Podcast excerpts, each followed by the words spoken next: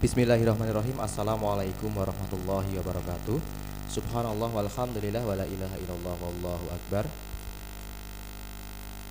Pemirsa Tablikmu TV di mana pun Anda berada Alhamdulillah alamin. Di kesempatan pagi hari ini kita dapat berjumpa kembali Dalam kajian Ahad Pagi edisi online. Kali ini di edisi ke 156 Insya Allah untuk hari ini nanti kita akan bersama dengan beliau Ustadz Haji Solahuddin Sirizar LCMA. Beliau adalah Direktur Pondok Pesantren Modern Imam Syuhodo. Pada edisi kali ini nanti kita akan berada dalam sesi tanya jawab agama. Sudah ada banyak pertanyaan yang berkumpul atau yang terkumpul di Ustadz dan insya Allah hari ini nanti akan dijawab oleh beliau. Bagi Anda pemirsa Tablik TV kami sampaikan informasi bahwa siaran kami kajian Ahad pagi online ini tidak hanya bisa dilihat melalui Tablik TV tetapi juga bisa didengarkan melalui 101,4 RDS FM Solo juga di live streaming rdsfmsolo.com kemudian juga di Facebook Muhammadiyah Cabang Bimbing dan Instagram at tablikmu.org.id setelah selesai nanti Anda juga bisa mendengarkan melalui akun podcast dan juga Spotify. Bagi Anda pemirsa Tablikmu TV anda bisa mendukung dakwah kami melalui uh, transfer ke rekening di 073 587 0162 073 587 0162 Bank BRI Syariah kode bank 427 atas nama Andika Rahmawan. Anda bisa konfirmasi ke 0856 4212 1073. Bagi Anda yang akan bertanya kepada Ustadz Solahuddin Sirizar juga bisa e, nanti untuk WhatsApp ke nomor yang tadi saya sebutkan. Insya Allah akan dijawab pada pertemuan yang akan datang. Baik untuk waktu berikutnya e, Insya Allah nanti akan e, bersama Ustadz Haji Solahuddin Sirizar LCMA Sampai sekitar jam setengah delapan. Kepada segenap pemirsa Tablik TV dan juga pendengar RDS FM Solo Kami persilahkan untuk bisa menonton tayangan kita pagi kali ini. Kami akhiri sementara. Assalamualaikum warahmatullahi wabarakatuh.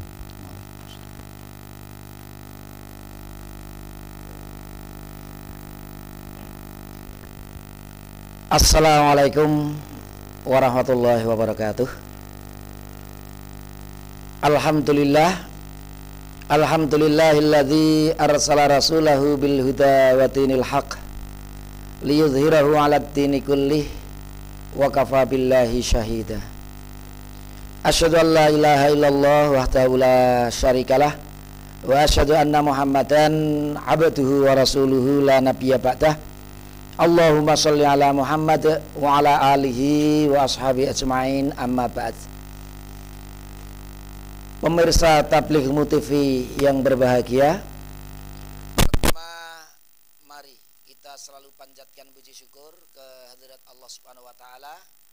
atas segala nikmat yang telah diberikannya kepada kita semua khususnya nikmat iman dan Islam. Kita juga wajib bersyukur kepada Allah Subhanahu wa taala karena sampai hari ini sampai detik ini alhamdulillah kita dalam keadaan sehat walafiat. Mudah-mudahan nikmat sehat ini bisa kita gunakan sebaik-baiknya untuk terus mengumpulkan pahala dari Allah Subhanahu wa taala pemirsa tabligh TV yang berbahagia, kita juga wajib bersyukur kepada Allah Subhanahu wa taala karena kita juga telah diberi Allah kesempatan untuk bertemu kembali dengan bulan yang penuh dengan keberkahan.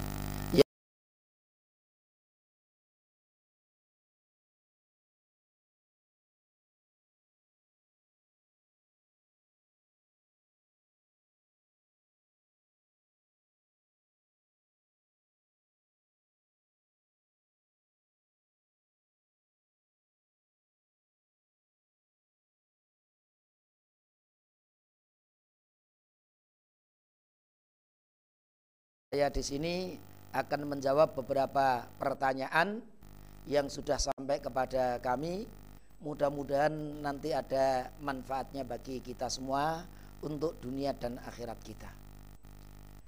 Pemirsa Tablimuk TV yang berbahagia, jadwal saya pekan keempat dan sempat dua bulan off karena pada bulan Februari kemarin pekan keempat itu diganti Mamah Dede dan pada bulan Maret kemarin sudah mulai libur karena virus corona.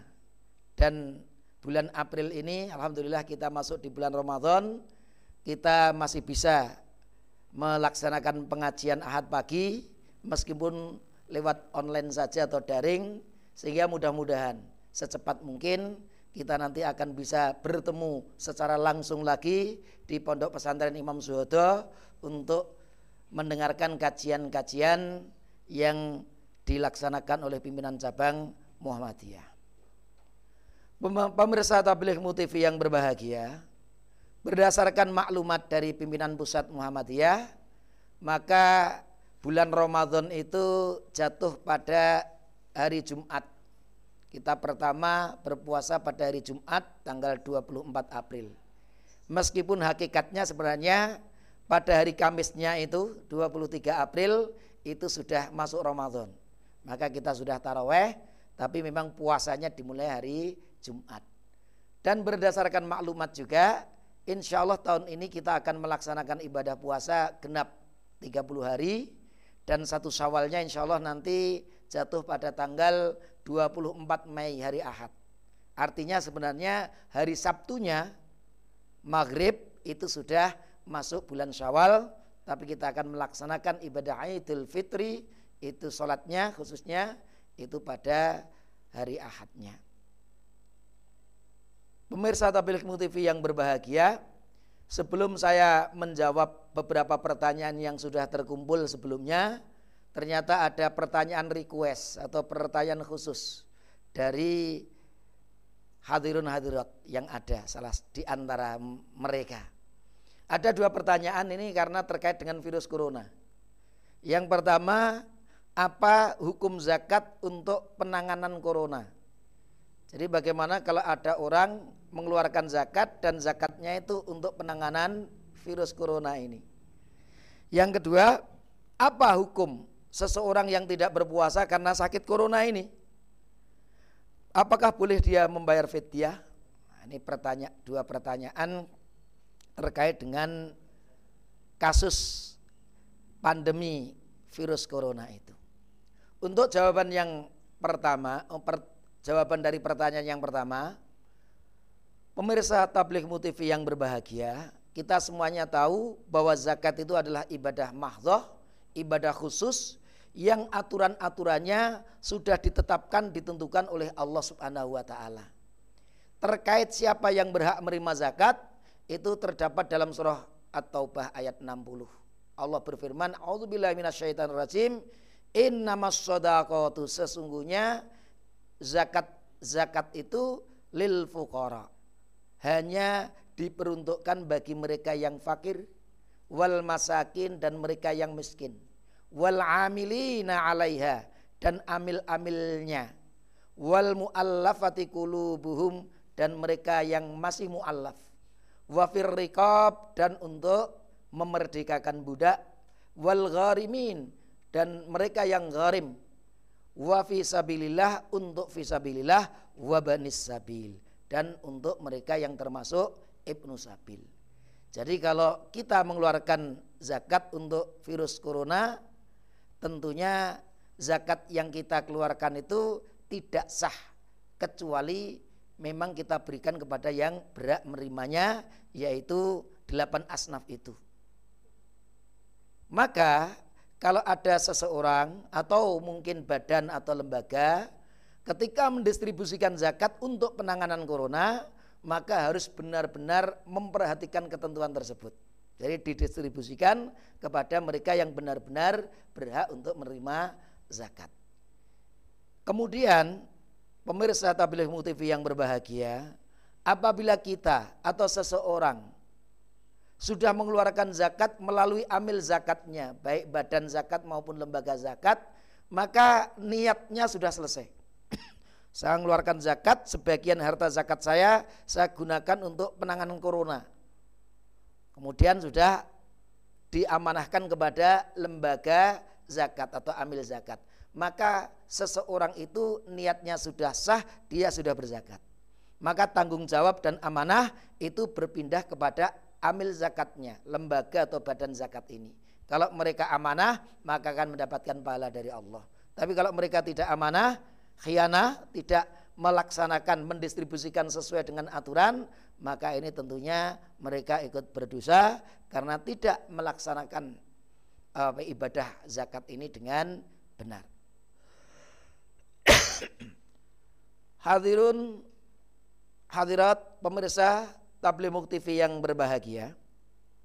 Adapun jawaban dari pertanyaan yang kedua terkait dengan orang yang terkena sakit corona. Orang yang sakit itu memang di dalam agama kita itu dibagi menjadi tiga macam. Yang pertama yang sakitnya itu ringan. Kalau sakit ringan sama sekali tidak ber, memberatkan puasanya, maka seseorang tetap punya kewajiban untuk berpuasa. Seperti orang yang flu sedikit, terkilir, eh, badannya sedikit. Nah, ini atau mungkin kalau terkait dengan kasus virus corona ini baru ODP, orang dalam pemantauan. Ini sakit atau belum ya belum tentu ini karena masih dalam pemantauan. Ini artinya kalaupun disebut bagian dari yang sakit itu masih sangat ringan. Maka dalam keadaan seperti ini dia tetap wajib untuk berpuasa.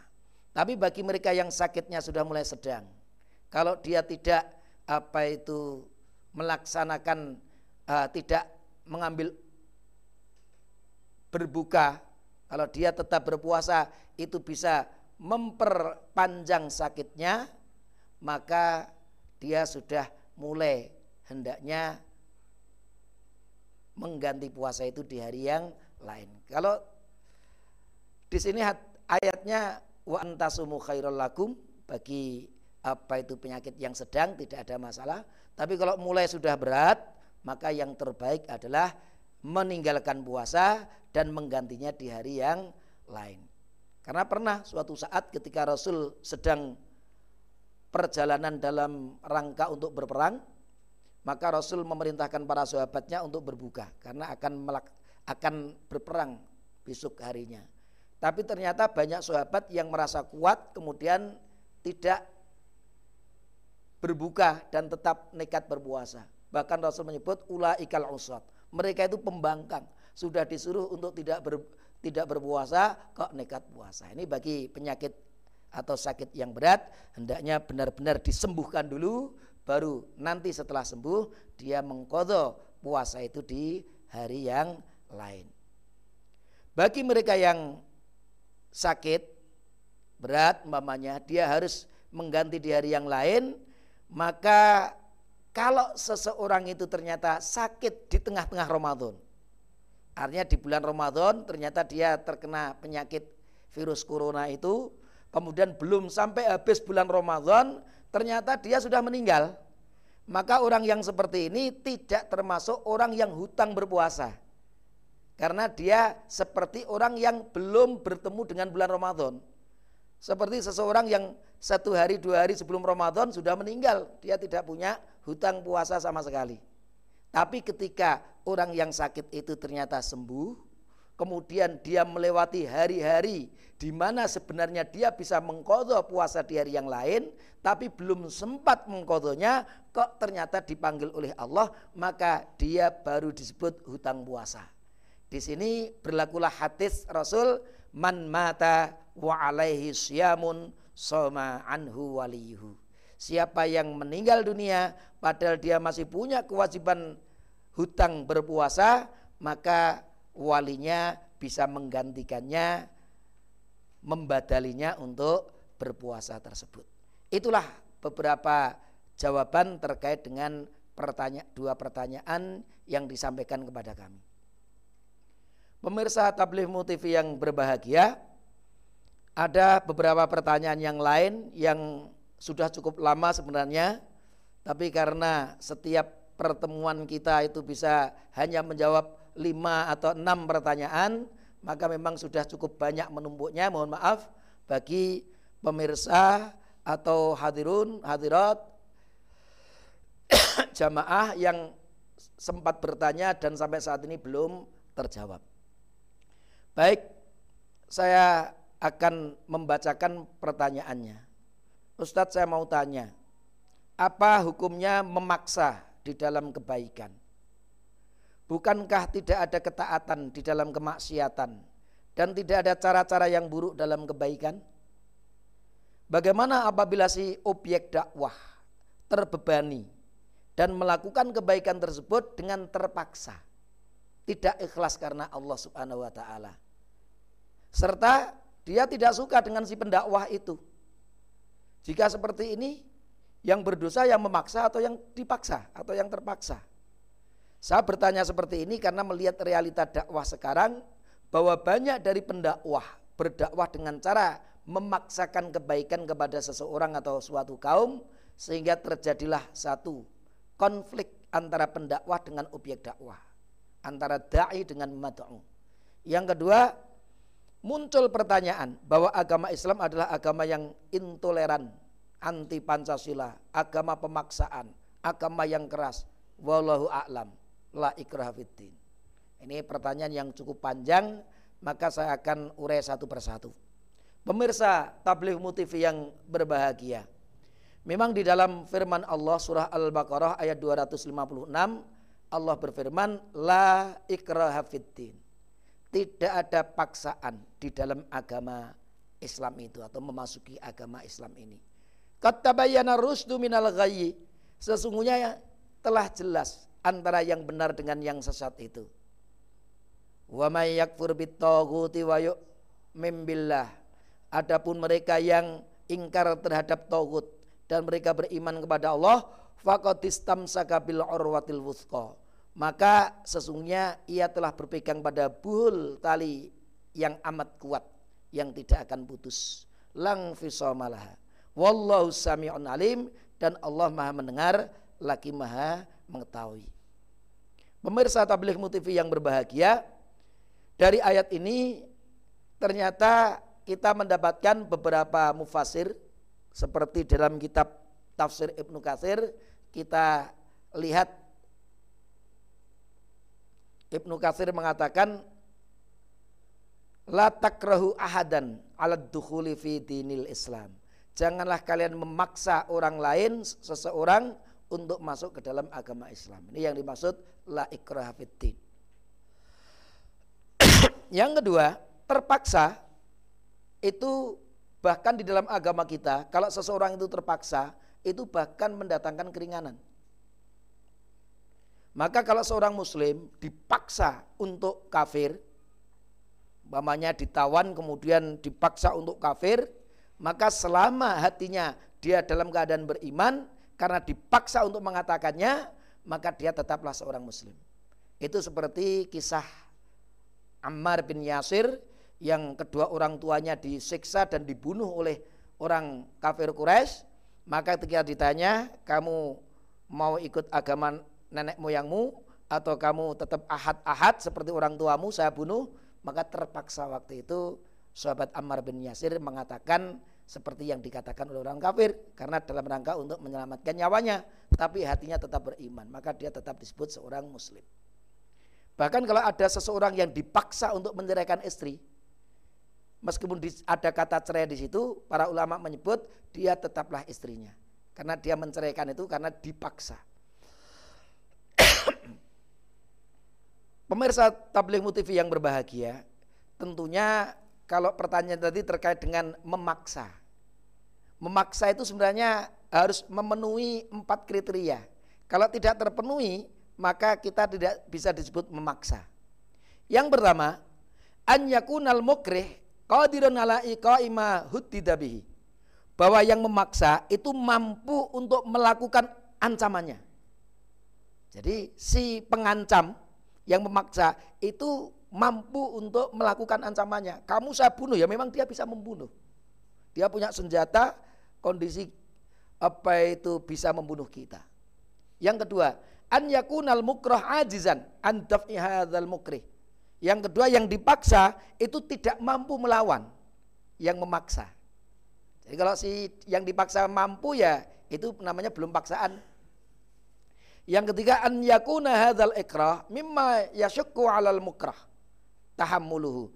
ancamannya itu berat. Kalau ancamannya bunuh, kalau kamu tidak saya bunuh, itu berat. Tapi kalau hanya kalau kamu tidak melakukannya, tidak saya kasih hadiah.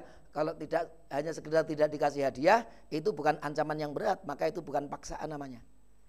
An yadhunna au ya'lamal mukrah annal mukrih sayuqi'u ma hudditabi. yang keempat, yang dipaksa itu yakin bahwa yang memaksa itu tidak hanya main-main, tapi ini benar ini kalau dia tidak melakukan apa yang dipaksa kepadanya, benar-benar ini dia akan dibunuh umpamanya. Nah, maka empat hal itu barulah seseorang itu disebut memaksa. Maka hati-hati kalau kita menyebutkan apakah dai-dai itu memaksa. Jadi pemirsa TV tablikmu yang berbahagia, seseorang kita seseorang atau dai tidak bisa disebut memaksa. Ketika dai itu mengatakan bahwa seorang muslim harus anti riba. Seorang muslim harus anti babi, mengharamkan babi, mengharamkan miras itu bukan memaksa karena melaksanakan firman Allah Subhanahu wa taala. Kalau ada yang mengatakan orang yang menolak syariat Allah itu mereka masuk neraka. Itu bukan memaksa, tapi itu hanya menyampaikan firman Allah Subhanahu wa taala. Yang menolak sholat lima waktu, yang menolak puasa Ramadan, maka diancam oleh Allah dengan neraka. Itu bukan memaksa. Kalau orang tua ke anak, "Hei, Nak, kalau kamu tidak sholat, kamu tidak saya kasih uang jajan nanti. Itu bukan memaksa, itu mendidik. Orang tua ke anak, kalau kamu tidak baca Al-Quran, maka nanti tidak saya pinjami HP. Baca Quran dulu, baru saya pinjami. Itu bukan memaksa, itu namanya mendidik. Seorang guru memberi sanksi kepada muridnya yang mungkin tidak disiplin, itu juga mendidik, bukan memaksa. Jadi harus kita bedakan antara memaksa dengan yang lainnya. Baru kita disebut memaksa apabila umpamanya kita mengatakan, kalau kamu tidak masuk Islam, maka kamu akan saya bunuh. Nah, itu namanya memaksa. Kalau kamu tidak mau sholat, maka saya potong leher kamu, saya potong tangan kamu. Itu namanya memaksa. Dan ini Islam kalau yang seperti ini melarang kita untuk memaksa seseorang beragama, menjalankan agama dengan paksaan-paksaan tersebut.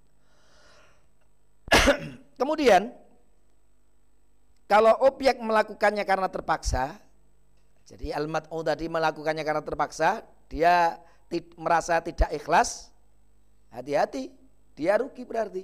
Sudah sholat atau sudah menjalankan ketaatan, tapi nggak ada pahalanya karena tidak dilakukan dengan keikhlasan. Maka para dai, orang tua, guru hendaknya juga mengingatkan kepada objek dakwah bahwa hendaknya mereka ketika melakukannya itu bukan karena keterpaksaan tapi benar-benar karena kesadarannya untuk mendapatkan ridho dari Allah Subhanahu wa taala. Lalu bagaimana kalau ada objek dakwah yang membenci dai? Masyarakat membenci pendakwah atau mubalik itu. Lah tergantung alasannya apa? Kalau masyarakat itu membenci dai, mubalik itu karena memang akhlaknya bejat, dia berdakwah, eh jangan minum minuman keras, tapi ternyata dia sembunyi-sembunyi suka minuman keras, dia suka berjudi lah. Ini memang akhlaknya bejat. Eh, aurat harus dijaga, ternyata dia ketahuan selingkuh. Nah ini auzubillah min zalik, ini berarti dai yang bejat ini, maka pantas untuk dibenci oleh masyarakat. Tapi kalau seorang dai mubalik dengan ketegasan dakwahnya, menyampaikan amar ma'ruf dan nahi mungkar kok kemudian masyarakat itu membencinya? Maka ini salah alamat. Maka dia tidak dibenarkan untuk membenci seorang dai yang seperti ini. Lalu yang terakhir memang banyak manusia yang menuduh bahwa Islam itu intoleran bahwa Islam itu suka memaksa bahwa Islam itu keras radikal itu tuduhan-tuduhan seperti itu sudah sejak lama. Bahkan Islam menjawab tuduhan itu. Lihat, Islam zaman Rasul punya piagam Madinah. Sehingga penduduk Madinah yang muslim, non-muslim, Arab, non-Arab hidup berdampingan dengan damai. Itu berkat piagam Madinah yang itu dilakukan oleh Rasul. Bahkan kalau kita lihat di Indonesia ini termasuk sangat toleran kita umat Islam mayoritas dan mereka yang non muslim dengan bebas mereka bisa beribadah sesuai dengan keyakinan mereka. Coba kita lihat di Cina, Uyghur. Kita lihat di Rohingya bagaimana mereka membantai umat Islam. Nauzubillah min zalik. Maka tidak pantas mereka mengatakan Islam itu intoleran dan seterusnya. Pemirsa TV tablikmu yang berbahagia, pertanyaan yang kedua. Assalamualaikum. Jika seseorang melakukan kesalahan dengan tanpa disengaja, apakah dia juga harus dihukum? Atau mengganti saja atau dua-duanya? Mengganti dan dihukum. Misal, tidak sengaja memecahkan barang di toko. Jadi toko mungkin swalayan begitu, melihat bolo pecah, tahu-tahu mecah ke gelas atau mecah ke piring. Umpamanya begitu. Atau menabrak seseorang di jalan, naik kendaraan tahu-tahu terjadilah tabrakan menjadikan seseorang meninggal dunia karena tertabrak. Apakah ini mengganti atau dihukum atau dua-duanya atau tidak dua-duanya kira-kira begitu. Pemirsa Tabligh TV yang berbahagia, kita perlu belajar dari dasarnya. Di dalam ilmu usul fikih dikenal istilah ahliyatul wujub dan ahliyatul ada. Ini harus ini apa itu perkara yang cukup detail. Jadi mohon diperhatikan dengan seksama. Bahwa di dalam ilmu usul fikih itu kita kenal dengan istilah ahliyatul wujub dan ahliyatul ada. Ahliyatul wujub yang pertama itu adalah kepantasan seseorang untuk memperoleh hak dan memiliki kewajiban. Nah ini dibagi menjadi dua. Yang pertama ahliyatul wujubnya nakisoh masih kurang, tidak sempurna. Ini bayi yang masih ada eh, janin, yang masih berupa janin. Ini ahli, punya aliatul wujub, tapi tidak sempurna. Maka oh, janin seperti ini dia punya hak, tapi belum punya kewajiban. Dia punya hak untuk mendapatkan apa itu warisan. Kalau orang tuanya meninggal, ibunya hamil, maka eh, ketika orang tuanya meninggal, ibunya hamil, maka harus ditunggu ini dianggap laki-laki dulu. Nanti kalau dia lahir dalam keadaan hidup, maka dia punya hak untuk menerima warisan itu. Dia punya hak untuk mendapatkan apa itu nasab dari bapaknya. Itu ahliyatul wujub yang belum sempurna. Tapi begitu ses janin itu lahir ke dunia dalam keadaan hidup, maka ahliyatul wujubnya sempurna. Jadi kalau ada orang ah, bayi berumur satu tahun dua tahun, kita gendong tahu-tahu ngerebut HP-nya teman kita dibanting. Itu dia sudah punya kewajiban. Dia sudah punya hak dan juga sudah punya kewajiban. Lah siapa yang mengganti HP-nya? Ya orang tuanya mengganti HP itu untuk HP yang dirusakkan oleh anaknya yang baru berumur satu tahun dua tahun itu. Karena ahliatul wujubnya sudah sempurna. Tapi meskipun wajib ganti rugi, memang tidak ada dosa, dia masih kecil. Yang kedua, kita juga harus mengenal namanya ahliyatul ada. Kepantasan seseorang untuk mendapatkan beban agama. Sehingga kita ketika dia melaksanakan perintah Allah dapat pahala, ketika dia melanggar aturan Allah, mengerjakan yang diharamkan, dia berdosa. Nah ini namanya orang yang memiliki ahliyatul ada.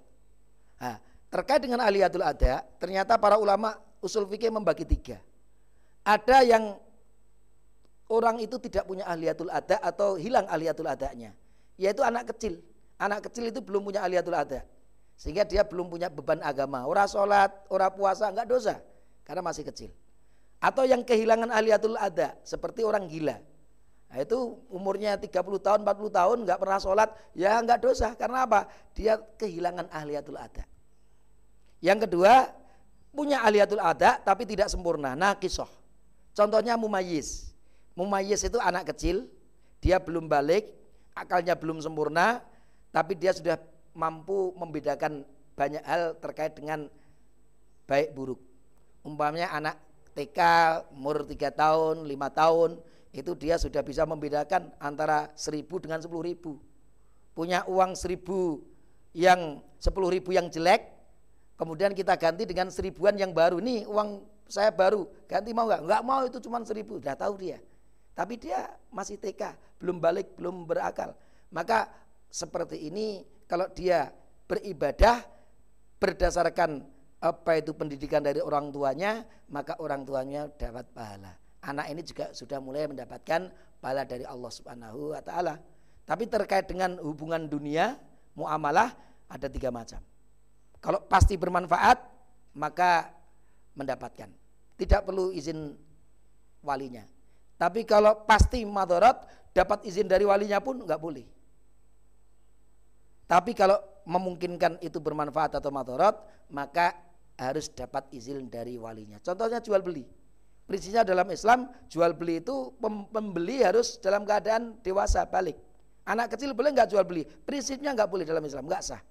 Kecuali kalau anak kecil yang mumayyiz ini sudah dapat izin dari orang tuanya. Nih kayak lima ribu untuk le gue jajan. Nah, berarti dia sudah mendapatkan izin dari kedua orang tuanya. Lah, ahliatul ada yang sempurna ini mereka yang sudah balik berakal seperti kita kita ini yang sudah dewasa akalnya sempurna itu berarti kita sudah memiliki ahliatul wujub yang sempurna dan memiliki ahliatul ada yang sempurna. Kita punya tanggung jawab dunia maupun tanggung jawab akhirat. Pemirsa tabligh TV yang berbahagia, Allah berfirman dalam surah Al-Baqarah ayat 286. La yukallifullahu nafsan illa wus'aha. Allah tidak memberikan beban kepada seseorang kecuali yang dia mampu untuk memikulnya. Bahkan Rasul bersabda, sesungguhnya Allah melewatkan dari umatku kesalahan, lupa atau terpaksa. Jadi kalau karena tersalah, karena lupa atau karena terpaksa itu tidak diminta pertanggungjawaban oleh Allah Subhanahu wa taala. Maka kajian para ulama berdasarkan dalil tersebut yang pertama, ini masih pertanyaan tadi. Apabila perbuatannya itu tidak disengaja, tentunya dia tidak berdosa. Karena tidak punya kesengajaan untuk mendolimi orang lain, sehingga dia tidak berdosa. Yang kedua, pertanyaannya, apakah dia dikenakan ganti rugi? Tadi contohnya, di toko swalayan, kemudian merusakkan barangnya. Apakah dia dikenakan ganti rugi? maka para ulama melihat apabila terkait dengan hak sesama manusia terkait dengan hak sesama manusia jual beli ini termasuk hak sesama manusia maka ada dua hal yang perlu diperhatikan. Yang pertama jika perbuatan tersebut diizinkan kemudian secara tidak sengaja merusakkannya maka tidak perlu ganti rugi.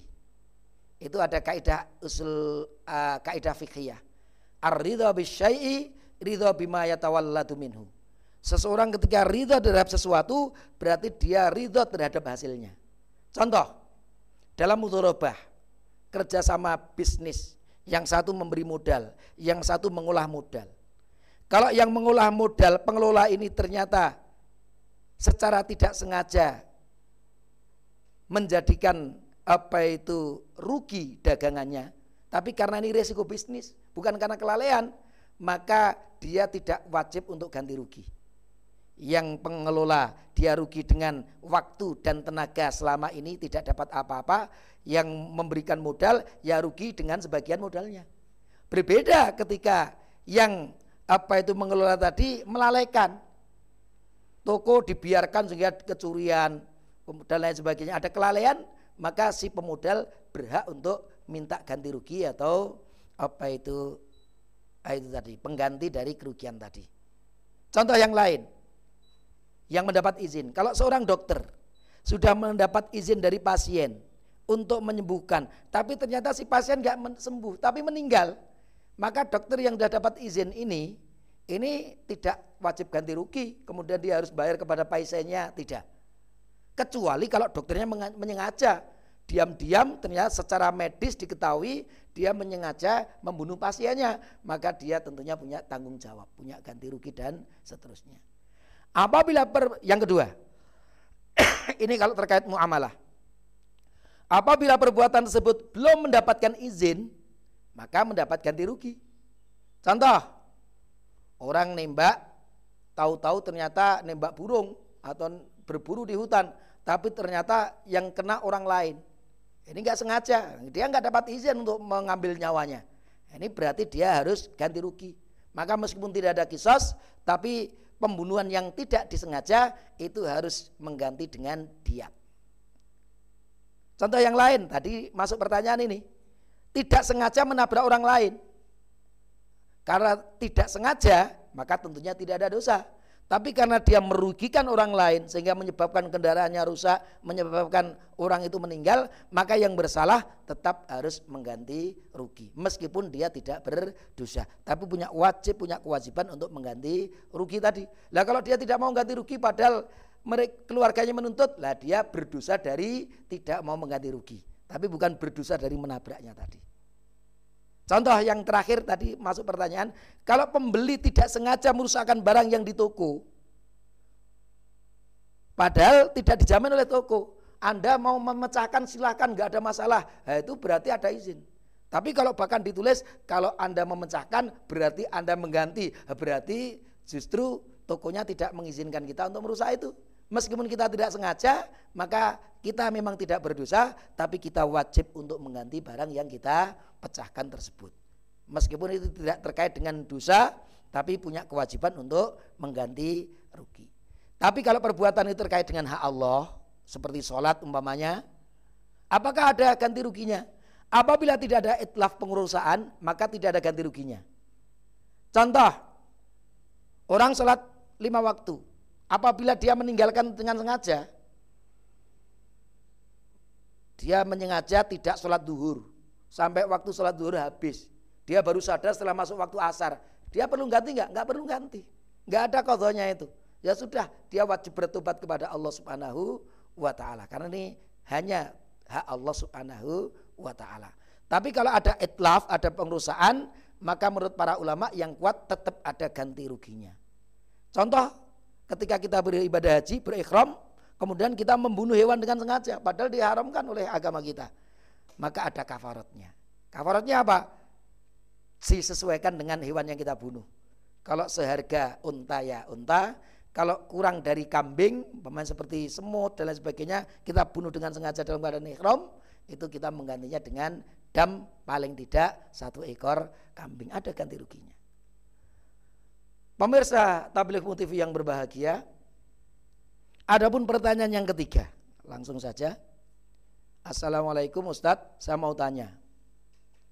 Apakah sebenarnya fungsi sajadah itu ya? Kalau di masjid di desa saya, sajadah itu dipakai satu orang. Kalau orangnya kecil dengan sajadah besar, ya tempatnya longgar. Dan sebaliknya kalau orangnya besar, sajadahnya kecil atau besar sajadah sesuai dengan ukuran tubuh. Intinya nggak mau gandeng. Anak kecil sajadah, sajadah lebar nggak mau gandeng. Terus kalau harus geser jika ada tempat kosong maka harus geser ke kanan atau ke kiri tak. Wassalam. Ini pertanyaannya maka langsung saja saya jawab terkait dengan apa itu sajadah dan posisi soft di dalam sholat. Pemirsa Tabilik Mutivi yang berbahagia, di dalam sholat yang merupakan ibadah mahdoh ini, ketika kita sholat berjamaah, prinsipnya soft itu harus lurus dan rapat. Rasul bersabda, tarasaw wa'tadilu. Rapatkan, luruskan. Tapi rapat dan lurusnya soft di dalam sholat berjamaah ini memang tidak menjadi rukun dalam sholat itu. Tapi ini dalam, masuk dalam kesunahan. Artinya kalau softnya rapat dan lurus maka sempurnalah sholat jamaah itu. Tapi kalau softnya tidak lurus, minggak-minggok seperti ular itu, atau agak jarang-jarang, maka sholat jamaah itu juga tidak sempurna pahala jamaahnya. Prinsipnya seperti itu.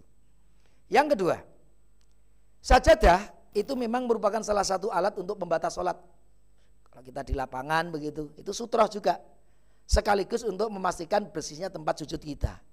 Karena kita nggak tahu lapangan itu kena najis atau tidak lah mungkin kita pakai sajadah itu. Poin yang ketiga, kalau sholat berjamaah kita itu di tanah lapang, memang kita perlu sajadah untuk mengamankan tadi bahwa tempat sholat kita itu bersih dari najis. Sehingga kita perlu dengan sajadah-sajadah tadi. Atau paling tidak tikar.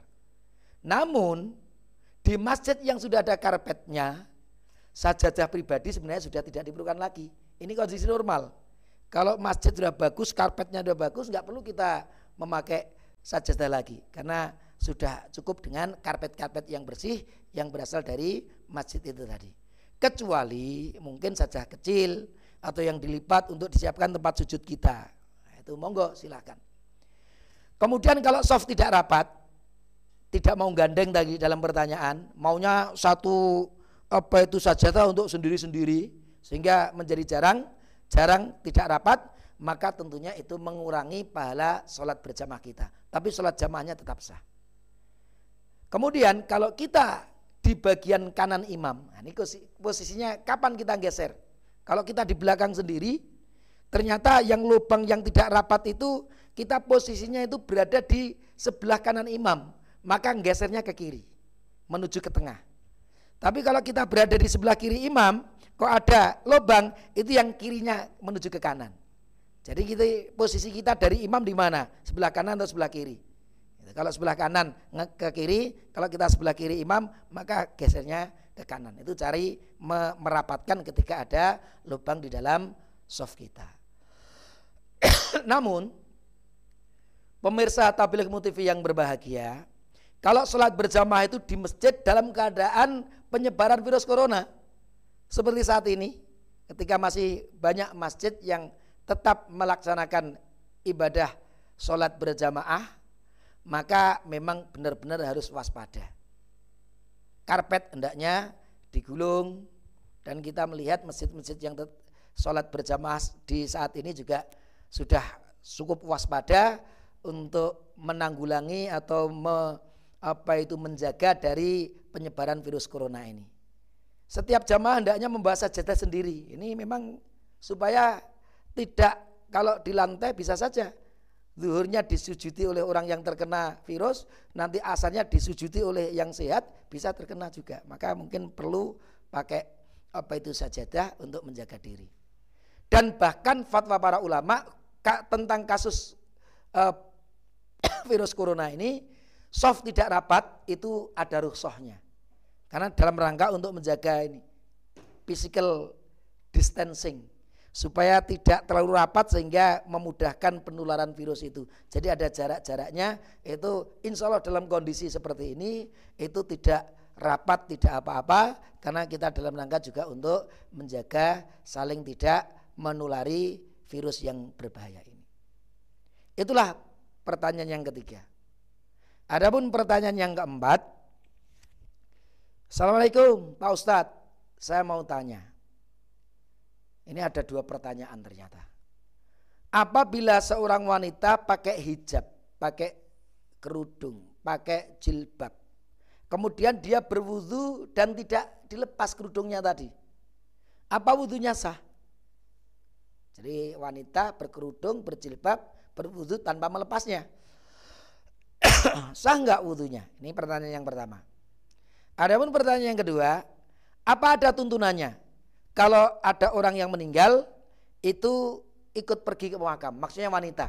Tentunya ada enggak seorang wanita ketika orang tuanya atau kerabatnya meninggal itu ikut menguburkan bersama jamaah laki-laki yang menguburkan mayat tersebut. Ini pertanyaannya seperti itu. Saya tunggu balasannya. Wassalam.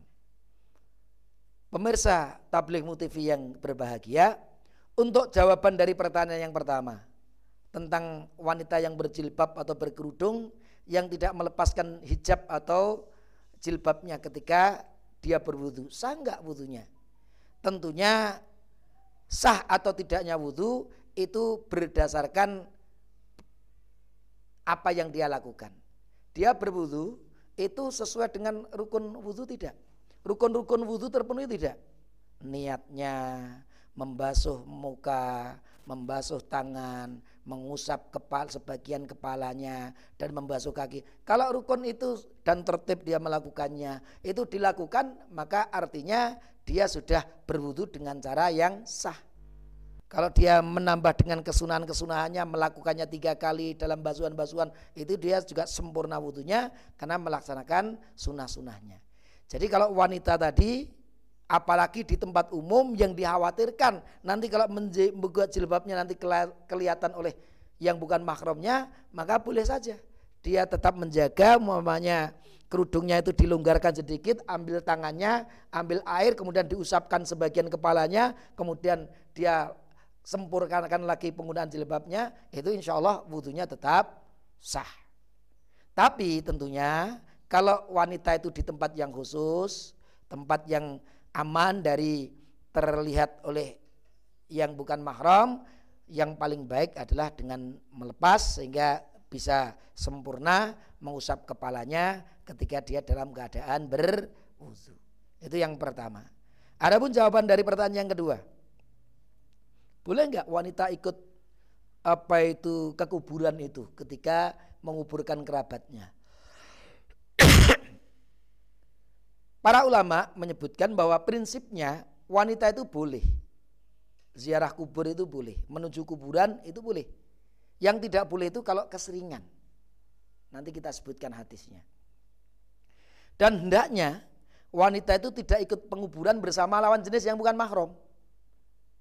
Contoh umpamanya, kalau jam 1 kerabatnya dikuburkan jam 1 siang. Jamaah berbondong-bondong yang laki-laki menuju apa itu pekuburan, maka hendaknya para wanita jangan ikut dulu, di rumah saja dulu. Mungkin besok paginya, besok siangnya itu baru menyambangi, ditemani yang sudah tahu tempatnya untuk berdoa di apa itu atas kuburan kerabat atau orang tua yang ditinggalkan. Itu yang terbaik seperti itu. Karena ada hadis memang, hadis yang diriwayatkan oleh Imam Ahmad bin Hambal, diriwayatkan juga Imam At-Tirmidzi, diriwayatkan juga oleh Ibnu Majah, diriwayatkan oleh Imam Al-Hakim dalam Al-Mustadraknya, oleh Imam Al-Baihaqi atau Broni. Para ulama hadis menyebut darajanya Hasan. Ada yang menyebut Hasan li ghairi. Tapi insya Allah termasuk hadis yang bisa dijadikan dasar hukum. An Abi Hurairah dari sahabat Abi Hurairah radhiyallahu anhu anna Rasulullah bahwasanya Rasulullah sallallahu alaihi wasallam la'ana la'ana Rasulullah itu melaknat zawaratil kubur wanita-wanita yang mengunjungi atau ziarah kubur zawarat ini pakai mubalaghah kalau isim fa'ilnya itu zairatun. Orang yang berziarah.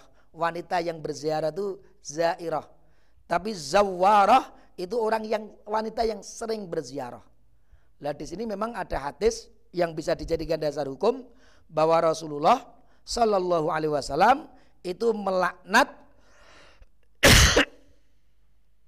orang-orang wanita-wanita yang suka sering ziarah kubur. Jadi ada laknat dari Rasul. Maka berdasarkan hadis yang Hasan ini yang bisa dijadikan dasar hukum ini ada beberapa pelajaran yang bisa kita ambil. Yang pertama, kata laknat. La'ana Rasulullah. Anna Rasulullah la'ana zawarat. Bahwa Rasul melaknat. Laknat Rasul itu dengan ada kata laknat itu menunjukkan dosanya besar. Hati-hati. Karena di dalam kitab Al-Kabair, Sohibul Kitab yang mengarang kitab itu mendefinisikan apa itu membedakan dosa kecil dengan dosa besar. Jadi kalau mau detail silakan membaca kitab Al-Kabair yang membedakan antara dosa kecil dan dosa besar. Karena beliau mengumpulkan Al-Kabair dosa-dosa besar. Ah, beliau menyebut bahwa di antara indikasi bahwa dosa itu besar. Contohnya kalau Allah menyebut lakabiratun, ini benar-benar dosa yang besar, umpamanya begitu. Maka itu disebut dosa yang besar. Atau ada ancaman neraka. Siapa yang melakukannya maka finari jahannam khalidina fiha. Dia akan masuk neraka kekal di dalamnya. Itu menunjukkan bahwa dosanya itu dosa besar. Termasuk nanti disebut dosa itu dosa besar itu kalau ada kata laknat. Allah melaknat, Rasul melaknat orang yang melakukannya, maka dosanya itu juga besar. Seperti la'na Rasulullah atau Allah ar-rashi wal murtashi. Bahwasanya orang yang menyuap dan disuap itu dilaknat oleh Allah, ini dosanya berarti dosa yang besar karena ada kata laknat.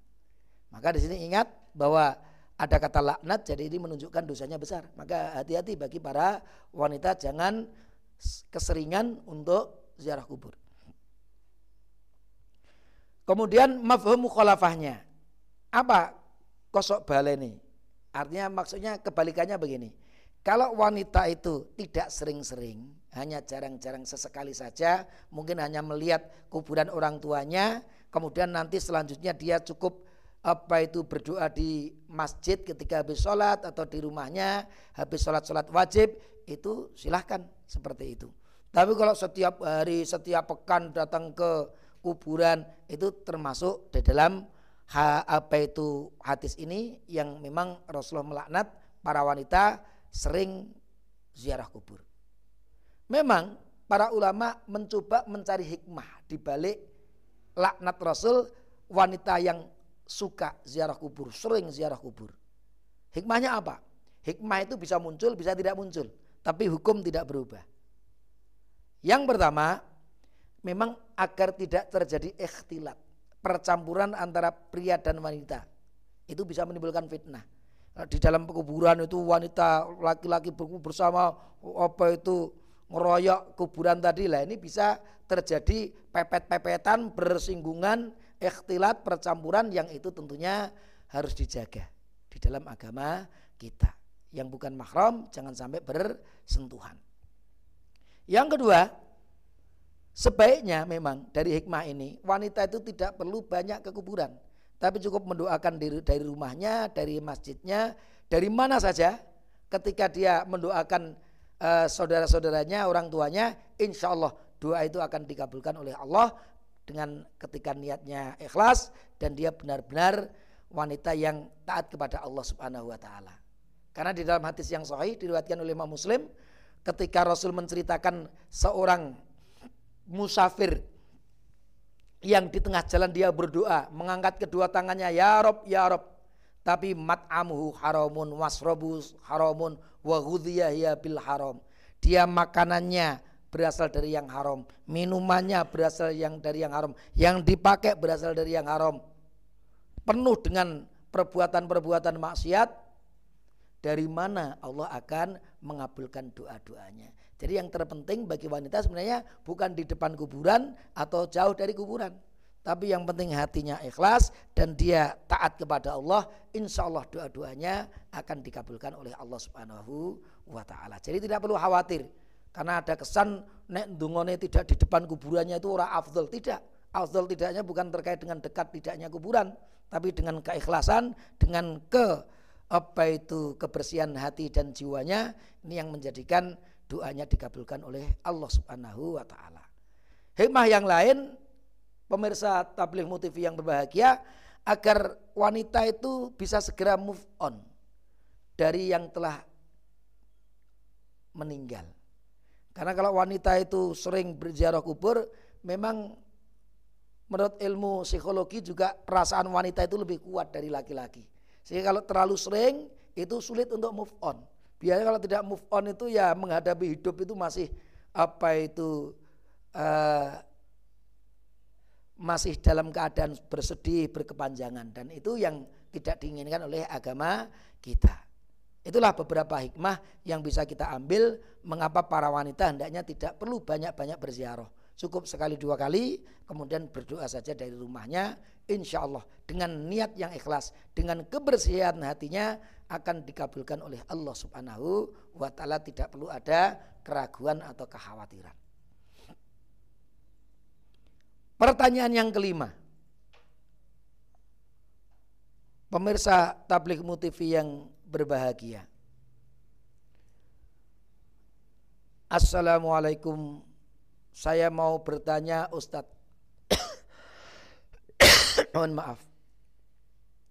Waktu di sekolah ada teman saya yang menganggap bumi itu seperti lembaran kertas. Bukan bulat. Saya berdebat dengan teman saya. Karena menurut ilmuwan pun menyatakan bumi berbentuk bulat.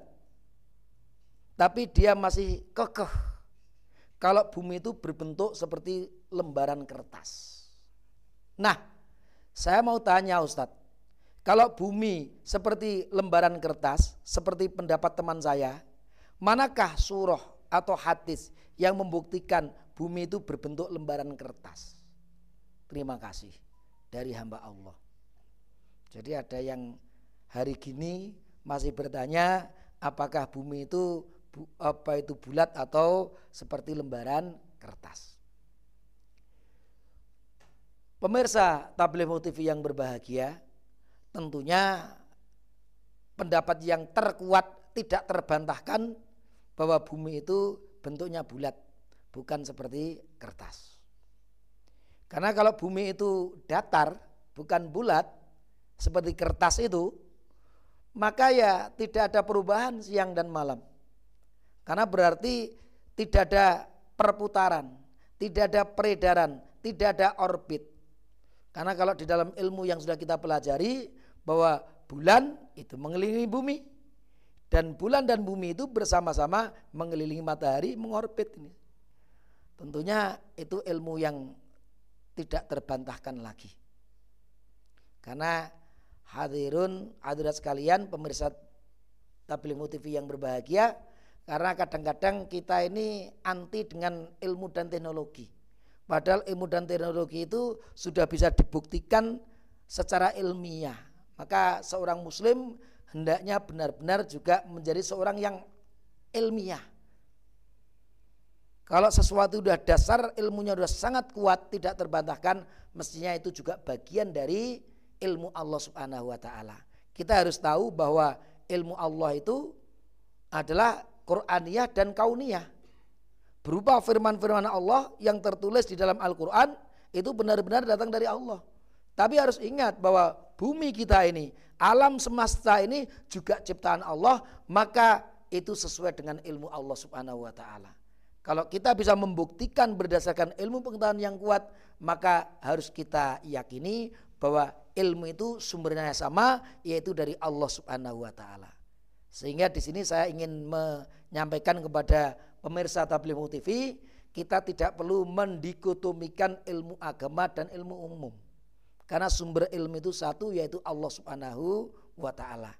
Maka termasuk pesantren modern Imam Suhodo yang biasa kita tempat untuk e, pengajian ahad pagi ini juga demikian tidak membedakan antara tafakufiddin dengan tolabul ilmi secara umum maka jam pertama nahwu jam kedua matematika jam ketiga nanti bahasa Arab nggak ada masalah kita campur-campur semuanya itu bermanfaat semuanya itu apa itu akan memberikan manfaat kita untuk dunia dan akhirat kita kalau kita gunakan sebaik-baiknya menuju ridha Allah Subhanahu wa taala. Jadi saya hanya menganjurkan, saya hanya menyampaikan kepada jamaah bahwa kita tidak boleh anti ilmu, kita tidak boleh anti teknologi ketika ilmu dan teknologi itu benar-benar bisa memberikan manfaat, memberikan ilmu kepada kita dengan ilmu yang benar. Ternyata kalau kita perhatikan pemirsa tabligh TV yang berbahagia. Anggapan bahwa bumi itu datar itu ternyata sudah ada pada 14 tahun yang 14 abad yang lalu. Sekarang ini sudah sudah abad ke-21. Itu 14 abad yang lalu itu memang menganggap bumi itu datar. Ketika manusia belum bisa keluar angkasa waktu itu. Jadi hanya meraba-raba karena memang belum bisa keluar angkasa. Kita lihat dalil-dalil eh, yang bisa kita terjemahkan, kita bisa tafsirkan bahwa Al-Quran pun sebenarnya menyebutkan bahwa bumi ini tidak apa itu datar, tapi berbentuk bulat. Tadi saya sampaikan, kalau bumi itu datar tidak bulat, maka tidak ada apa itu rotasi, tidak ada orbit, tidak ada apa itu bumi mengelilingi matahari dan seterusnya, karena datar. Kita lihat di dalam surah Az-Zumar ayat 5 contohnya. Allah berfirman, "Khalaqas samawati wal ardh." Allah telah menciptakan langit dan bumi bil hakti dengan tujuan yang benar. Yukawwirul laila 'alan nahari wa yukawwirun nahara 'alal lail. Dia menutup malam di atas siang dan menutup siang di atas malam. Wasakhara samsa wal qamar dan Allah menundukkan matahari dan bulan. Kullu yajrili ajalim musamma. Masing-masing berjalan menurut waktu yang sudah ditentukan. Maka bilangan bulan, bilangan tahun itu bisa kita apa itu hitung dengan apa itu perputaran bulan terhadap bumi atau perputaran bumi terhadap matahari ini. Ingatlah dia yang maha perkasa, lagi maha pengampun. Juga umpamanya kita bisa baca surah Al-Anbiya contoh yang lain. Ini menunjukkan bahwa sebenarnya bumi itu bulat. Allah berfirman, "A'udzubillahi wa khalaqal laila wan nahara wasyamsa wal qamar." Dialah Allah yang telah menciptakan malam dan siang, yang telah menciptakan matahari dan bulan. Kullum fi falaki yasbahun dan masing-masing dari keduanya itu beredar di dalam garis edarnya. Jadi benar-benar itu keteraturan itu dari Allah Subhanahu wa taala.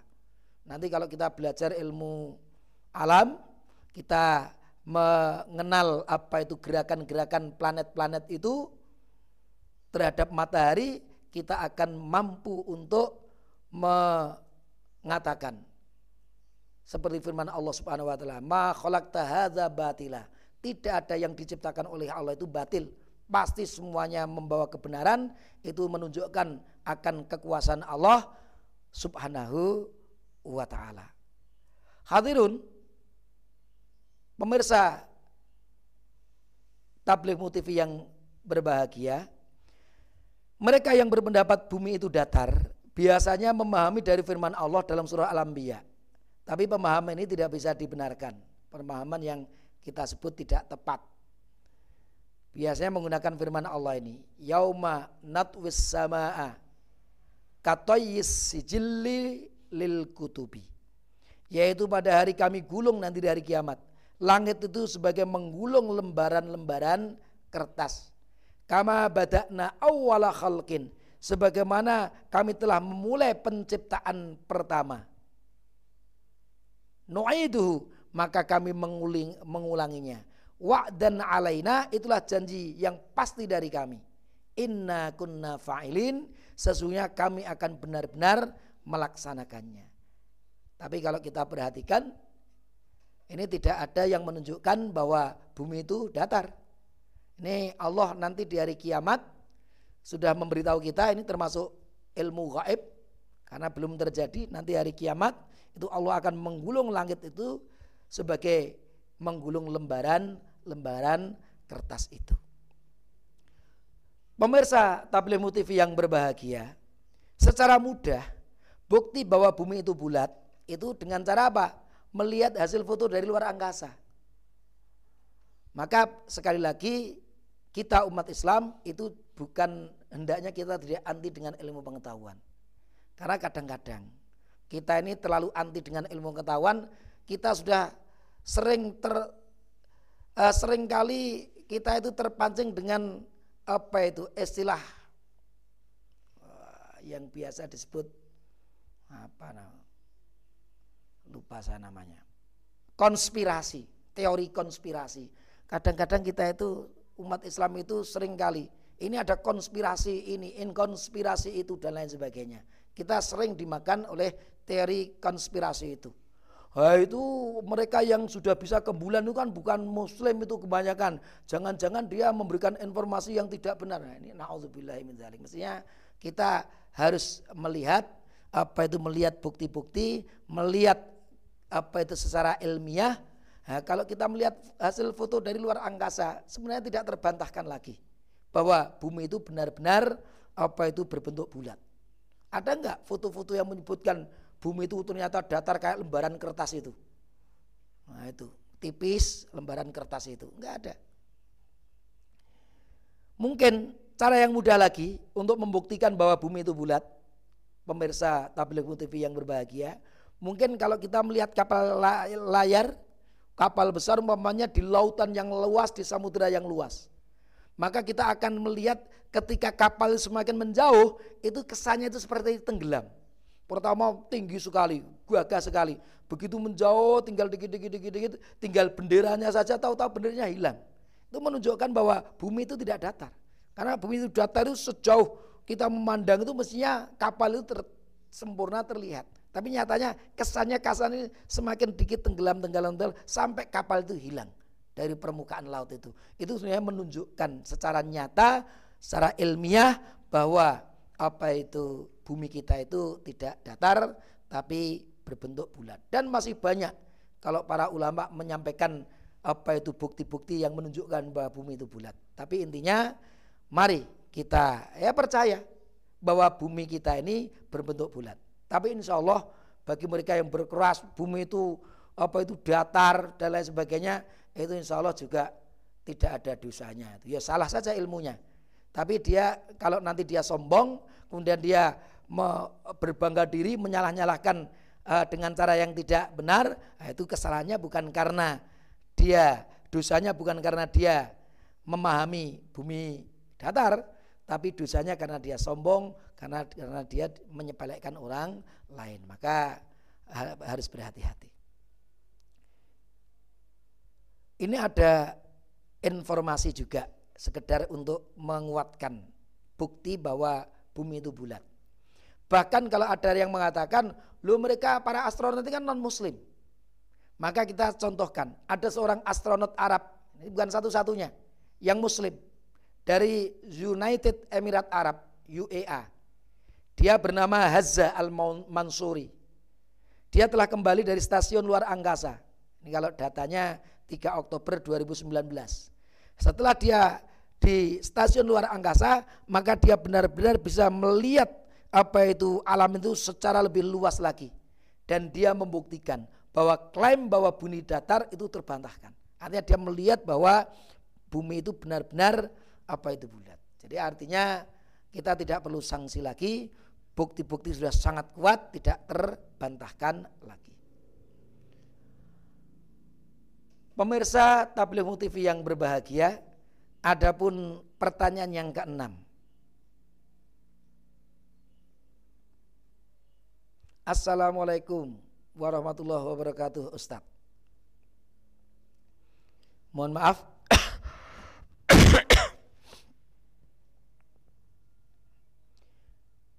Saya wanita usia 31 tahun. Saya sudah bersuami. Saya punya adik. Ini pertanyaannya cerita ini. Sudah menikah? Ya sudah bersuami maksudnya sudah menikah ya. Ayah saya sakit. Dan ibu saya melakukan maksiat dan syirik di belakang kami semuanya. Wah ini gawat juga ini. Ini harus bisa membuktikan ini. Tidak hanya alibi, tidak hanya tuduhan. Hati-hati. Karena ini orang tua kita, ibu kita apalagi. Ya tentunya kita harus berhati-hati. Mudah-mudahan yang bertanya juga sudah berhati-hati. Dan ibu saya berhubungan dengan lelaki lain selama tujuh tahun. Berhubungan dengan laki-laki lain itu ya tentunya tafsirnya masih banyak ini. Berhubungan itu. Berhubungnya apa itu? Hubungan sering komunikasi, bisnis atau apa itu juga berhubungan. Tapi mungkin lebih menjurus ini pertanyaan ini. Berhubungan dengan laki-laki yang lain. Saya juga tidak mau menduga-duga seperti itu. Tujuh tahun. Namun baru ketahuan akhir-akhir ini. Ada istilah sepandai-pandai kita menyimpan bangkai, akhirnya akan kecium juga baunya. Kira-kira begitu. Saya dengan keras memberi nasihat. dengan keras memberi nasihat. Kira-kira ya emosi. Dengan suara yang tinggi kira-kira begitu. Dengan keras memberi nasihat berharap agar ibu saya segera bertaubat. Namun ternyata sia-sia. Artinya ibunya mungkin sudah dinasihati tapi tidak mau mendengarkan. Maka pertanyaan di sini. Bagaimana cara yang tepat untuk mengatasi ibu saya itu? Mengatasi itu ya untuk memberikan solusi untuk ibunya lah kira-kira begitu. Apakah kami anak-anaknya berdosa karena sedikit keras pada ibu dalam menasihati wassalam. Ini konsultasi keluarga kalau ini pertanyaan mungkin yang terakhir nih yang bisa saya sampaikan pada pagi hari ini. Jawabannya begini.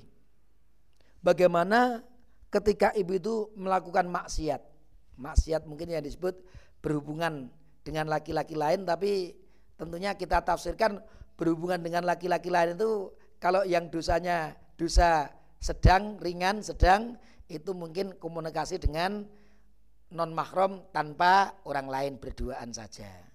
Mungkin yang lebih berat lagi pacaran, cium-ciuman, ambungan, ambung-ambungan, pegang-pegangan itu sudah mulai lebih berat lagi. Meskipun mungkin di dalam agama kita ada yang bertanya itu pacaran itu hukumnya haram atau tidak? Karena nggak ada dalilnya kan itu pacaran itu. Pacaran itu nggak ada dalilnya. Janganlah kalian melakukan pacaran. Karena yang yang diharamkan itu wala zina. Janganlah kamu mendekati zina, berbuat zina itu diharamkan. Tapi kalau pacaran kan nggak ada. Maka para ulama sebenarnya kita melihat al wasilatu ilal harami haramun. Ada satu kaidah fikih. Fasilitas cara yang menyebabkan sesuatu itu yang diharamkan oleh Allah, maka fasilitas itu hukumnya juga haram. Maksudnya lewat di sini ini. Memang ketika orang itu tidak berjudi itu tidak berdosa. Tapi kalau dia memberikan tempat penjudi, eh aku ora judi, aku ora minum minuman keras. Ini naik kowe delik minum minuman keras neng omahku. Tak sediake gen ra ketok. Arep judi neng omahku. Orang itu gak judi, dia tetap berdosa. Sama dengan yang minum minuman keras. Karena apa? Ya karena dia tidak anti terhadap minuman keras itu. Karena semua umat Islam wajib anti. Nggak boleh seorang muslim kok pendukung minum minuman keras. Haram hukumnya. Dan sirik. Ini untuk masalah sirik kebetulan penulis tidak menyampaikan. Ibu saya itu berbuat maksiat dan berbuat sirik. Ini hati-hati. Nah, sirik itu ada memang sirik kecil, ada sirik besar. Sirik kecil itu ya seperti orang ria. Orang yang berbuat itu dengan ria, sholat, bukan karena Allah tapi karena di belakangnya ada calon mertuanya. Lah ini ria supaya nanti sholatku dianggap kusuk aku wong yang taat ibadah sehingga nanti calon mertua saya langsung setuju dengan lamaran saya maka dia apa-apa ke sholat. Lah ini orang yang riak ketika beribadah lah ini sudah syirik kecil. Tentunya yang merupakan syirik besar itu ya menyekutukan Allah. Seseorang yang menyembah selain Allah menyembah patung, menyembah matahari, menyembah tumbuh-tumbuhan, menyembah hewan, menyembah alam yang selain Allah, maka memang benar-benar berbuat syirik yang besar. Nauzubillahi min dan syirik seperti ini tidak akan pernah diampuni oleh Allah ketika seseorang itu sampai mati tidak pernah bertobat dari kesyirikan. Tapi kalau dia bertobat sebelum mati, maka Allah Maha Pengampun. Contohnya gampang para sahabat Abu Bakar, Umar dulu sebelum datangnya Islam, sebelum datangnya Nabi Nabi Muhammad SAW pernah berbuat syirik. Tapi setelah bertobat, akhirnya bahkan keduanya minal asroh al mubasyarin bil jannah. Termasuk 10 orang yang diberi kabar gembira oleh Allah, mereka itu nanti akan masuk surga luar biasa. Maka memang tetap ada jalan untuk bertobat. Tapi ini syiriknya syirik kecil atau syirik besar tidak disebutkan. Apa yang hendaknya dilakukan oleh anak-anaknya? Bapak uh, pemirsa tablik motivi yang berbahagia. Tentunya kita harus tahu kedudukan orang tua kita ini. Islam memberikan tempat orang tua itu kedudukan yang sangat tinggi. Bahkan kalau kita lihat setelah apa itu kita dilarang untuk berbuat syirik, kita diperintahkan untuk mentauhidkan Allah, kemudian kita diperintahkan untuk berbakti kepada kedua orang tua. Itu menunjukkan bahwa berbakti kepada orang tua itu memiliki derajat yang sangat tinggi di dalam agama kita. Maka pemirsa tabligh TV yang berbahagia, kita jangan main-main dengan orang tua. Kita jangan main-main dengan orang tua. Allah berfirman, "A'udzubillahi minasyaitonirrajim." Wa qadara rabbuka alla ta'budu illa iyyah. Ini yang sudah saya sampaikan tadi. Janganlah kamu menyembah kecuali hanya Allah. Wabil walidaini esana. Dan kamu harus berbuat esan. Kamu harus berbakti kepada kedua orang tua. Imma yablughanna indaka al-kibara ahaduma au kilahuma fala taqul ufin. Mungkin salah satu mereka atau kedua-duanya bahkan sudah menginjak tua, sepuh. Janganlah kalian mengucapkan kepada mereka uf. Kalau orang tua itu biasanya sudah mulai seperti anak kecil lagi. Ketika manusia itu dilahirkan seperti bayi, itu isone gur nangis, isone gur guyu. Semuanya minta bantuan. Mau BAB minta bantuan, mau pipis dibersihkan oleh orang tuanya. Nanti manusia siklusnya itu sama. Setelah menjalani dewasa, tua, renta, nanti akan sama seperti bayi itu. Akhirnya ya kalau apa itu BAB di tempat itu seperti bayi lagi. Maka di sini kadang-kadang anak itu tidak sabar memiliki orang tua yang seperti hati-hati. Wala fala ufin. Jangan sampai sekali-kali mengatakan uf. Para ulama menyebut uf itu tidak sekedar kata uf, tapi semua ucapan, semua perlakuan yang menjadikan hati orang tua itu sakit dengan ucapan kita, dengan perbuatan kita itu itu bagian dari fala takullahuma ufin. Jadi benar-benar kita terhadap orang tua itu harus benar-benar sempurna di dalam berbakti kepada mereka. Jangan sampai ada kata uf ketika kita apa itu me, apa itu menjaga mereka khususnya ketika sudah mulai jumbo walatan haruma jangan membentak. Ini kadang-kadang banyak anak-anak yang membentak orang tuanya. Orang tuanya sudah tua orang tua buah apa isu ibu ini surai isu apa apa memang min zalik bahkan kalau kita lihat saya itu ngelus dodo. Ada seorang anak yang me apa itu? Mengajukan ibunya ke pengadilan untuk dipenjarakan. Hanya gara-gara ibunya mungkin mencuri dianggap mencuri apa itu uh, tumbuhan atau hasil apa itu tanaman yang dia tanam di kebunnya. Naudzubillah. Saya mendengar itu naudzubillah min zalik. Ini mesti orang tidak pernah belajar agama.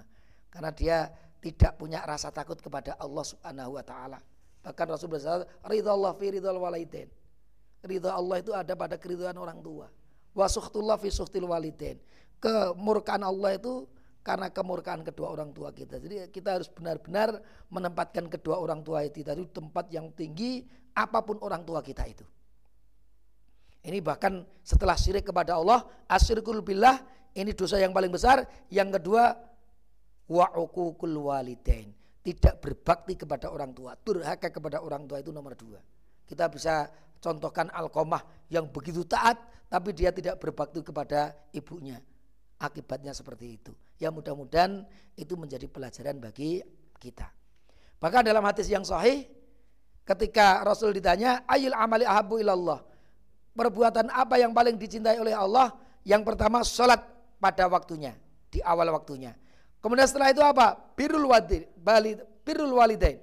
Berbakti kepada orang tua. Baru setelah itu apa? Al jihadu fisabilillah sholat pada waktunya, birul waliden, jihad nomor tiga. Itulah kedudukan yang luar biasa dari berbakti kepada orang tua. Bahkan ketika ada sahabat bertanya, man ahakun nasi bikhusni sahabati.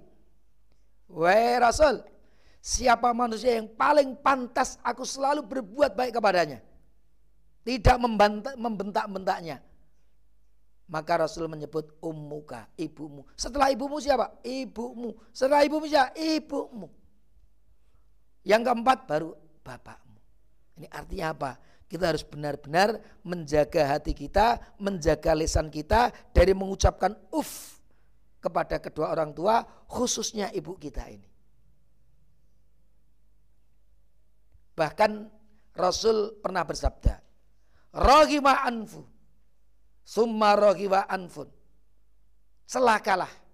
Celakalah. Celakalah. Man adraka abawaihi indal kibari. Yang sempat bertemu dengan orang tuanya indal kibari. Ketika dia sudah besar. Sudah dewasa seperti kita-kita ini. Kita sempat bertemu dengan orang tua. Kita itu celaka baik bertemu dengan dua orang tua kita ataupun satu orang tua kita. Falam yadkhulil jannah dan dengan bertemu orang tua itu kita tidak masuk surga. Celaka.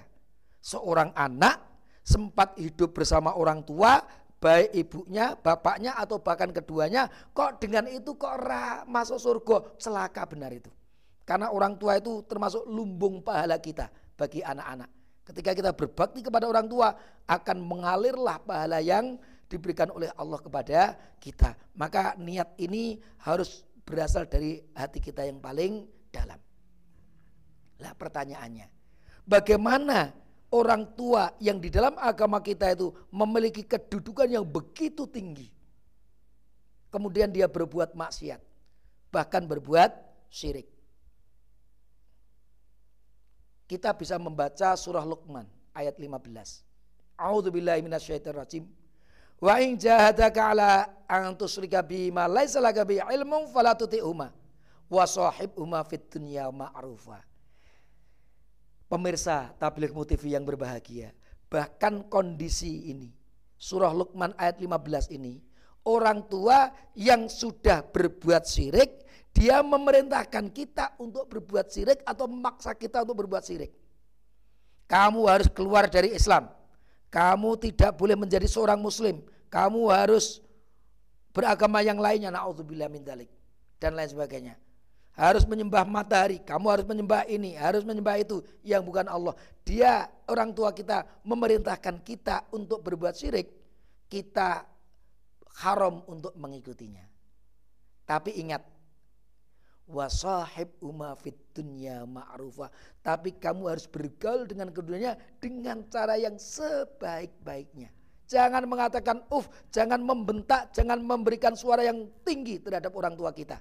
Menjadikan hati orang tua kita itu tercapek-capek. Ingat, kita kalau bahkan ketika diperintah untuk berbuat syirik, itu kita tidak boleh membentaknya. Tapi kita tidak boleh taat terhadap perintah itu, tapi kita tetap harus berbuat baik, ucapannya tetap harus terkendali, perbuatannya jangan sampai menjadikan orang tua kita itu apa itu tidak ridho kepada kita. Maka bagaimana solusinya? Ada beberapa yang bisa saya sampaikan. Yang pertama, dari pertanyaan tadi, kita wajib tetap menjaga hubungan baik dengan ibu. Jadi tetap komunikasi harus terjaga hubungan baik. Jangan sampai ini tak nasihati ora gelem wis neno pindah rumah aku ora jangan seperti itu. Kita harus tetap menjaga hubungan yang baik dengan ibu kita. Kita harus tetap bahkan kan kondisi seperti itu kita harus semakin sering berhubungan dengan ibu kita. Jangan membatasi sering-seringlah kita bertemu dengan ibu kita yang keadaannya seperti itu. Tapi ingat, jangan sampai kita berkata kasar, jangan sampai kita berkata kotor kepada ibu kita. Jangan-jangan loh, ini mungkin kita bahkan karena terlalu keras, sehingga ucapan kita yang terlalu keras ini menjadikan hati orang tua kita itu tidak ridho dengan ucapan kita ini.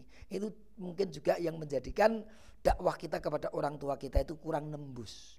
Coba kalau kita berdiskusi hati ke hati dengan ucapan yang apa itu lembut, menunjukkan bahwa kita benar-benar mencintai ibunya. Kita menasihati dengan pelan-pelan, bahkan sembunyi-sembunyi. Jangan sampai kita mana-mana cerita, kita bersama orang tua kita cerita ibu lho tak wandani kadang ngira gelem-gelem ini benar-benar menyakitkan hari orang tua kita maka pelan-pelan sembunyi-sembunyi. Jangan sampai aib ini terungkap. Sampaikan kepada ibu, saya tahu kak apa itu yang ibu lakukan, tapi saya tidak akan bercerita kepada siapa pun. Saya sangat mencintai ibu sehingga saya ingin memberikan solusi supaya ibu benar-benar jauh dari apa itu dosa, benar-benar diridhoi oleh Allah, benar-benar dari hati ke hati. Dan ingat, kita harus bersabar di dalam menasihati ibu kita. Dengan menjelaskan mungkin ancaman Allah, ayat-ayatnya kita baca, apa itu bahayanya melanggar aturan Allah. Mungkin orang tua kita kita ajak ikut apa itu pengajian. Kalau ahad pagi seperti ini, Bu, yuk kita mendengarkan pengajian. Nanti diajak. Itu cara menasihati yang tidak langsung, tapi insya Allah itu akan membawa dampak yang luar biasa. Karena mungkin ibu panjenengan yang tanyakan tadi, mungkin sholatnya ya cik bolong-bolong. Nek sholatnya wis bolong-bolong, biasanya kon pengajian ya berat. Nah kalau kita ajak sholatnya dulu jangan bolong-bolong. Kewajiban-kewajiban seperti puasa jangan bolong-bolong Insya Allah nanti kalau kewajiban-kewajiban Allah sudah ditaati, orang tua kita akan lebih mudah untuk mengikuti nasihat-nasihat kita. Tapi nak ibu kita itu yorung sholat, setelah tidak pernah beribadah, itu ya memang sulit untuk disihati, dinasihati. Maka sekali lagi menasihati itu dimulai dari yang prinsip-prinsip. Ibadah-ibadah wajibnya, kewajiban-kewajibannya diusahakan orang tua kita itu benar-benar taat, mudah-mudahan dengan kewajiban kewajiban yang sudah ditaati itu akan menjadikan mudah untuk kita berikan masukan-masukan yang baik. Kemudian menjelaskan kabar gembira bagi mereka yang berdosa tapi sudah bertobat. Kita bisa gambarkan yang namanya Abu Bakar as yang namanya Umar bin Khattab pernah berbuat syirik. Tapi setelah bertobat, kemudian nasuha, kemudian menjadi orang yang taat kepada Allah, Allah bahkan menyebutkan termasuk orang-orang yang dijamin masuk surga. Jadi pemirsa tabligh TV yang berbahagia, kalau kita bisa menasihati pelan-pelan, bersabar artinya apa? Bersabar itu kita pantang putus asa. Aku wes rong tahun menasihati, telung tahun menasihati, wes gah aku. Itu namanya dia tidak bersabar. Tetap pelan-pelan, sembunyi-sembunyi, apa itu pelan-pelan pelan-pelan tetap dekat kepada orang tua kita. Bahkan mungkin kita perlu men, apa itu memberikan apa yang disenangi, disenangi oleh orang tua kita kita berikan kita berikan untuk melegakan hatinya kemudian kita terus memasukinya. Tahun ini belum tahun depannya. 10 tahun belum 10 tahun yang kedua. Nah, artinya tidak boleh kita berputus asa.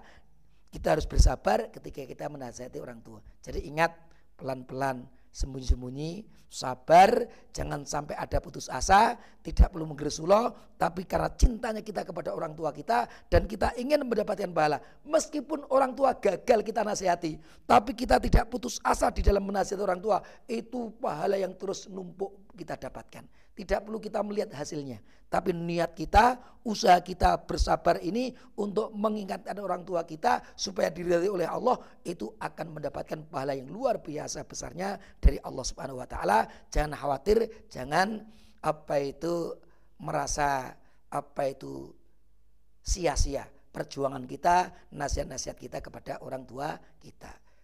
Pemirsa tabligh TV yang berbahagia, pas jam setengah delapan dan memang sudah habis juga untuk pagi hari ini. Jawaban dari kami mudah-mudahan ada manfaatnya. Kalau ada kekurangan mohon maaf yang sebenarnya aku lu qoli hadza wa astaghfirullah li wa lakum.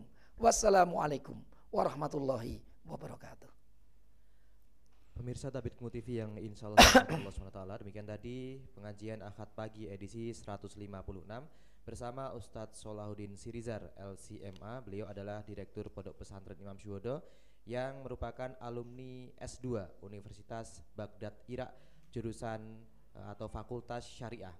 Nah pendengar RDS FM dan pemirsa Tablik TV yang insya Allah dirahmati Allah SWT Perlu kami sampaikan bahwa kajian Ahad pagi ini selain di live-kan melalui channel YouTube Tablik TV juga bisa diikuti di 101,4 RDS FM Solo uh, melalui radio kemudian di akun fanpage Muhammadiyah Cabang Dimbing juga di Instagram @muhammadiyah uh, maksud kami @tablikmu.or.id dan juga bagi Anda semuanya yang akan mendukung kajian Ahad Pagi online juga kajian-kajian Muhammadiyah cabang Libing yang lain, Anda bisa transfer melalui rekening BNI Syariah di 073 587 010 0162 di 073 587 0162 kode bank 427 atas nama Andika Rahmawan Sekretaris Majelis Tablik Pimpinan Cabang Muhammadiyah Blimbing.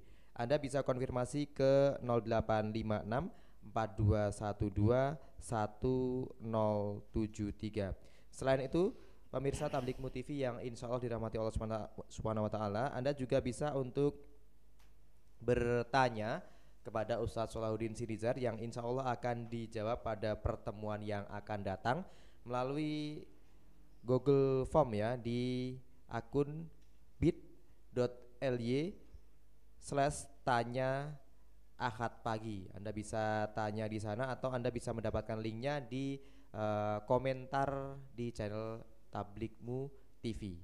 Baik, pemirsa Tablikmu TV yang insya Allah dirahmati Allah SWT dan juga pendengar RDS FM Solo. Demikian kajian Ahad pagi untuk kesempatan Ahad hari ini. Insya Allah kita akan bertemu lagi di hari Ahad yang akan datang dengan pembicara yang lain. Saya Ahmad Nasri yang bertugas. Mohon maaf apabila ada yang salah kata. Subhanakallahumma hamdika asyhadu alla ilaha illa anta astaghfiruka wa atubu ilaik. Assalamualaikum warahmatullahi wabarakatuh.